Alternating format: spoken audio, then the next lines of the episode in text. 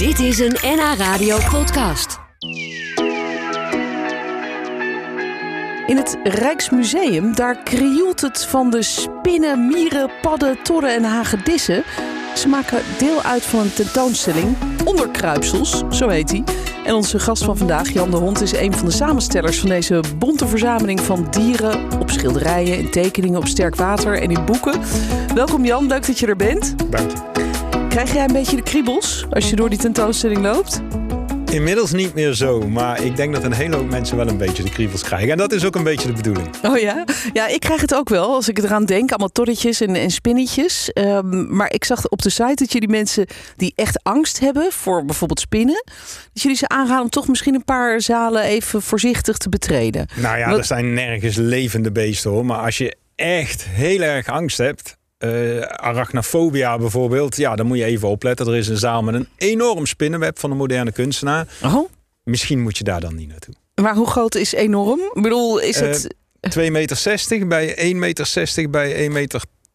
Door echte spinnen gemaakt in samenwerking met Saracino, de kunstenaar. Een gigantisch web echt. Maar hij heeft samengewerkt met spinnen om dit te maken? Met echte spinnen? Ja, hij heeft een frame gepakt en daarin heeft hij spinnen gezet. En die verschillende spinnen die allemaal hun eigen web maken. En er is er een kolossaal web van geworden. Wat heel mooi wordt aangelicht. En dan zie je pas hoe ongelooflijk mooi die webben zijn. Ja, maar, maar die spinnen die dat allemaal gemaakt hebben...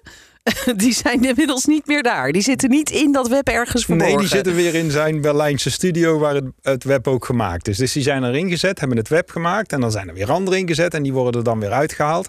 En die, die leven gewoon in zijn studio daar. Wat een krankzinnig project. Ja, Ik- heel leuk. Ja, wel fascinerend inderdaad. Ja. Ik ben zelf een beetje bang voor spinnen. Dus, eh, maar ik begrijp dus eh, uit jouw verhaal dat er sowieso geen levende dieren op deze tentoonstelling te zien zijn. Het zijn echt allemaal kunstobjecten. kunst. En er zitten een paar beesten op sterk water. Maar die, die zijn dan ook al originele 18e of laat 17e eeuwse exemplaren op sterk water. Oh, oké, goed. Dus, eh, dus wat dat betreft hoeven we niet bang te zijn als we daar komen dat we opeens eh, het gevoel hebben van hé, hey, er kriebelt wat aan mijn haar. Nee, nee, nee, nee, dat, nee, nee. Dat is het niet. In de tentoonstelling niks. Goed, nou we gaan er zo uitgebreid over verder praten, Jan. Ik wil daar natuurlijk alles over horen. Fijn dat je er bent, Jan. Dat je even van de spinnen en de, en de toren hebt kunnen wegrukken. hoe, hoe is jouw persoonlijke verhouding eigenlijk met, met dat soort kleine creepers en crawlers? Eh, die, die is aan het veranderen. Eh, ik had er niet zo heel veel mee. Eh, maar ja, als je je daar zo intensief mee, mee bezig gaat houden. En dat is eigenlijk ook de hele opzet van de tentoonstelling. Als je moeite doet om goed te kijken. En als je moeite doet om even echt geconcentreerd eh, naar die beetjes te kijken. Dan worden ze vanzelf fascinerend en, en heel erg mooi. Dus ik ben ook aan het eh, omslaan in die Oh, wat beetjes. goed, wat goed. En, en we- we- we- het gaat dus om schilderijen, tekeningen, boeken, ehm, beestjes op sterk water. Waar komt dat allemaal vandaan? Nou, het komt uit heel Europa. En, en zelfs uit Amerika in dit geval. Het, het, eigenlijk het, het meest bijzondere stuk is een tekening van eh, Albrecht Dürer van, uit 1505. Die in 1505 als allereerste een insect, een vliegend hert, een specifieke kever, heeft getekend. Met zo'n Eh, en heel dan- groot gewei is dat met zo'n heel groot gewei. Wat, ja, grote ja, wat, wat, zijn, zijn, zijn kaken lijken een beetje op een gewei. Ja. En die heeft hij voor de eerste keer een tekening gemaakt met dat beest als hoofdonderwerp. En dat is de eerste keer dat een insect als het hoofdonderwerp. En die komt uit, eh, uit Los Angeles, uit het Getty Museum. Maar verder komen de spullen uit Parijs, Louvre, verschillende Duitse musea, Zo, eh, kunsthistorisch museum, Wenen. Ja. Dus het is niet dat jij de kelder van het Rijksmuseum hebt uh, leeggeschraapt. En ook dingen uit het Rijksmuseum. Oh, want dat is het leuke natuurlijk van zo'n tentoonstelling. Je gaat heel anders naar je eigen collectie kijken. Ja. Dus wij vonden ook ineens veel meer dingen in onze eigen collectie... waarop eh, deze beestjes zijn afgebeeld. Ja, wat grappig. En dus ook moderne kunst. Je had het net over een groot spinnenweb dat daar te zien is. Wat mij best wel eng lijkt, van twee meter hoog. Gemaakt door echte spinnen Ja. die er niet meer in zitten. Maar toch eh, best een eh, heel bijzondere gedachte. En, en ik begrijp dat er ook mieren te zien zijn. Ja, we hebben een, een Colombiaans kunstenaar, Rafael Gomez Barros. Eh, en die heeft in, de, in het atrium van de Philipsvleugel... heeft hij een installatie gemaakt met mieren. Eh, en dat zijn in het totaal... Hij zit ook nog... eh, als je op de fiets gewoon door de fietsonderdoorgang gaat... zie je ze hem ook op de ramen zitten. En in totaal zijn dat 700 mieren. Maar die mieren die zijn dan nog wel bijna een meter groot. Dus echt een gigantische installatie. Oh, maar die zijn dus niet echt, begrijp ik nu. Die zijn niet echt. Nee, nee, nee. Als ze een nee, meter nee, groot zijn. Nee, god nee. Nee, alsjeblieft. Zeg.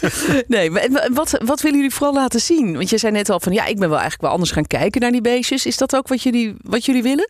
Ja, deels wel. Hè. We willen eigenlijk met die tentoonstelling dat je diezelfde verwondering en die fascinatie voelt en herbeleeft eigenlijk als die kunstenaars en wetenschappers in de 16e en 17e eeuw.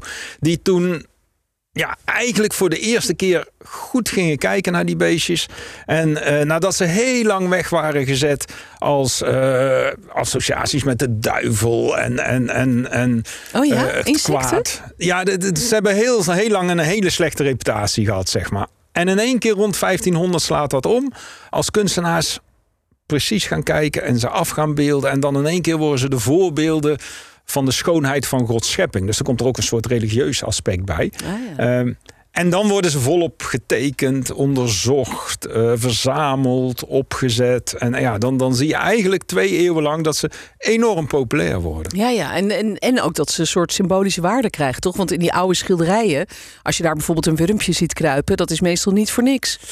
Dat, uh, dat betekent niet veel goeds. Uh, nee. nee, nee, nee. Zeker in, het, uh, in die middelen. Daar hebben we ook prachtige voorbeelden van. We hebben een, een voorbeeld van een ja, memento mori. Hè. Eigenlijk een, een beeldje, een soort lijkkist. En daar zit een lijk in. En, en wordt helemaal in, in ontbinding. En dat wordt helemaal overlopen door spinnen, wormen, hagedissen, padden. En het idee is dan ja, let erop mens, wij zijn allemaal gelijk. Uiteindelijk gaan we dood en in de dood zijn we gelijk en moeten we verantwoording afleggen aan Gods. En we zijn niks anders dan een lijk wat uiteindelijk wordt opgegeten door deze onderkruipsels. Ja, ja, oh ja, dat is wel een hele heftige variant dan ook meteen. Dat is niet de vrolijkste. nee, maar andere eh, insecten, bijvoorbeeld vlinders, die hebben misschien ook wel een betekenis. ja, Als je bij wijze van spreken een portret ziet uit de 16e, 17e eeuw. Ja, ze, ze kunnen ook gewoon steeds vaker worden ze ook gewoon afgebeeld omdat ze mooi zijn. Maar specifiek een vlinder kan ook, en dat is precies het tegenovergestelde, kan, kan de, de ziel verbeelden uh, die teruggaat naar God. Dus een fladderende uh, vlinder in een vanitas te leven noemen we dat. Wat gaat over dood en de vergankelijkheid. En als je dan een vlinder ziet, dan is het bijna altijd een referentie naar dit is de ziel die weer teruggaat naar ah, God. Ja. Ja, bijzonder. Maar, maar ik begrijp dus dat eigenlijk in de middeleeuwen... dat, dat er toen uh, heel negatief gekeken werd naar insecten. Ja. Uh, dat ze werden geassocieerd met de duivel, zei je net. Uh, met de zonde. Hoe... Ja, nou ja, denk alleen maar... De allereerste zonde is natuurlijk Eva in het paradijs. En die wordt verleid door de duivel om een hap te eten van de appel. Ja, een slang was dat. en dat is ja. meteen in de vorm van een slang. Meteen in de vorm van een reptiel. Ja, die heeft het uh, gelijk alweer verpest voor al die andere reptielen. Het begint fout, laten we zeggen. De start is niet goed. um, en, en zonde is een hele bijzondere we hebben een, een schandhuik. Uh, een wat? Een, een schandhuik. En dat is een, een, een houten mantel. Een huik is het middeleeuws voor mantel. En dat is een houten mantel. En die zit op de achterkant, zie je een koord met allerlei padden en, en hagedissen en, en, en nou ja, andere dode beesten. Uh, en dan kijk je aan de andere kant en dan zit er een klein stoeltje in en een halsketting. En dat oh is een strafinstrument oh, geweest. Oh, echt? Ja, en dat idee was dat overspelige vrouwen en prostituees... die werden veroordeeld tot de schandhuik. was een schandstraf. Je werd letterlijk te schand gezet. Moest je in die mantel gaan zitten... werd je de stad doorgereden en verbannen. Ach, het. En dan had je dus achter op je rug... had je allemaal... allemaal Al die nare beesten. Nare beesten. Zodat mensen goed konden zien van... nou, dat is, daar gaat het toch ja, een onderkruipsel. dat is de associatie met de zonde van luxuria... en in dit geval de zonde van lust, wellust. Jeetje. Nou, de, hoe anders is het dan dus later... als, als zo'n durer, wat je zei, opeens een soort kunstwerk maakt van een, van een insect. Ja. Van een vliegend hert. Ja. Uh, als een soort hoofdpersoon in een schilderij. Of ja, dat begint eigenlijk al iets eerder. Dan zie je ze letterlijk in de marges van middeleeuwse manuscripten. Duiken ze op. Uh, alleen omdat ze mooi zijn, want er is geen reden in de tekst om die beestjes af te beten. Er is ook geen symbolische. En dan letterlijk kruipen ze van de marge naar het centrum van het blad. En dat is het eerst bij Duren dat ja, een insect het hele blad vult. Ja, dat hij de hoofdrol speelt eigenlijk. Ja.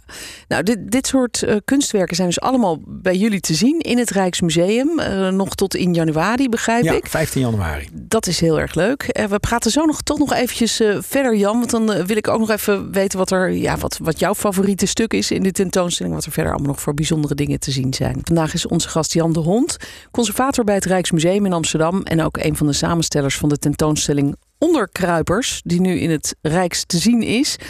Uh, meer dan duizend vlinders, uh, spinnen, glimmende padden, salamanders zijn er te zien in meer dan 100 schilderijen. boeken, eh, ook op sterk water. En ook beelden, hè? Ja, ja. Verschillende en, en hele bijzondere beelden zelfs. Zogenaamde livecasts. En dat zijn afgietsels van ooit levende beestjes. Dus je hebt een, een beestje dat wordt gedood en vervolgens wordt daar een afgietsel van gemaakt. En, en die kun je dan gebruiken als versiersel op je bureau. Maar je kunt ze ook gebruiken in veel grotere kunstwerk om, om als versiersel. Ja, ja, en werd dat in vroeger eeuwen dan veel gedaan? Dat ze een soort uh, prespapier hadden of zo van een, van een kever? Of, uh, ja, ja, of zomaar een sierobject? Ja, het is vooral in die, die, die setting van een 15e, 16e eeuwse, 16e eeuwse kunstkammer... waar alles om kunst en, en natuur gaat. En, en juist... Uh, het gebied wat er net tussenin zit, die beide zijn, wat, wat niet helemaal duidelijk is. En daar zijn ze door gefascineerd. En zo'n livecast is eigenlijk een één op één replica van de echte natuur. En dat vonden ze uh, vreselijk interessant. Terwijl het ook heel moeilijk gieten is. Dus het was ook een technisch hoogstandje. En dan kon je inderdaad als prespapier op je bureau zetten. Ja. Maar ook als, als uh, we hebben padden en dan hebben ze de, de mond hebben ze opengezet en toen afgegoten. Oh, en, uh, zielig. Ja, ze, ze, maar ze waren misschien al wel dood. Ze waren al dood. Nee, nee, nee, nee, nee. Ze, horen, ze, ze zijn. En, en er staat in de receptenboeken uit die tijd dat, ze, dat je ze het best kunt verdrinken in alcohol. Oh, echt? Dus in, in die zin uh, is er misschien een zachte dood geweest. Laten we het hopen voor ze. Maar die waren dus inkpotten. Omdat die open oh, mond kon je daar echt? een inkpotje van maken. Oh, dat is best wel luguber.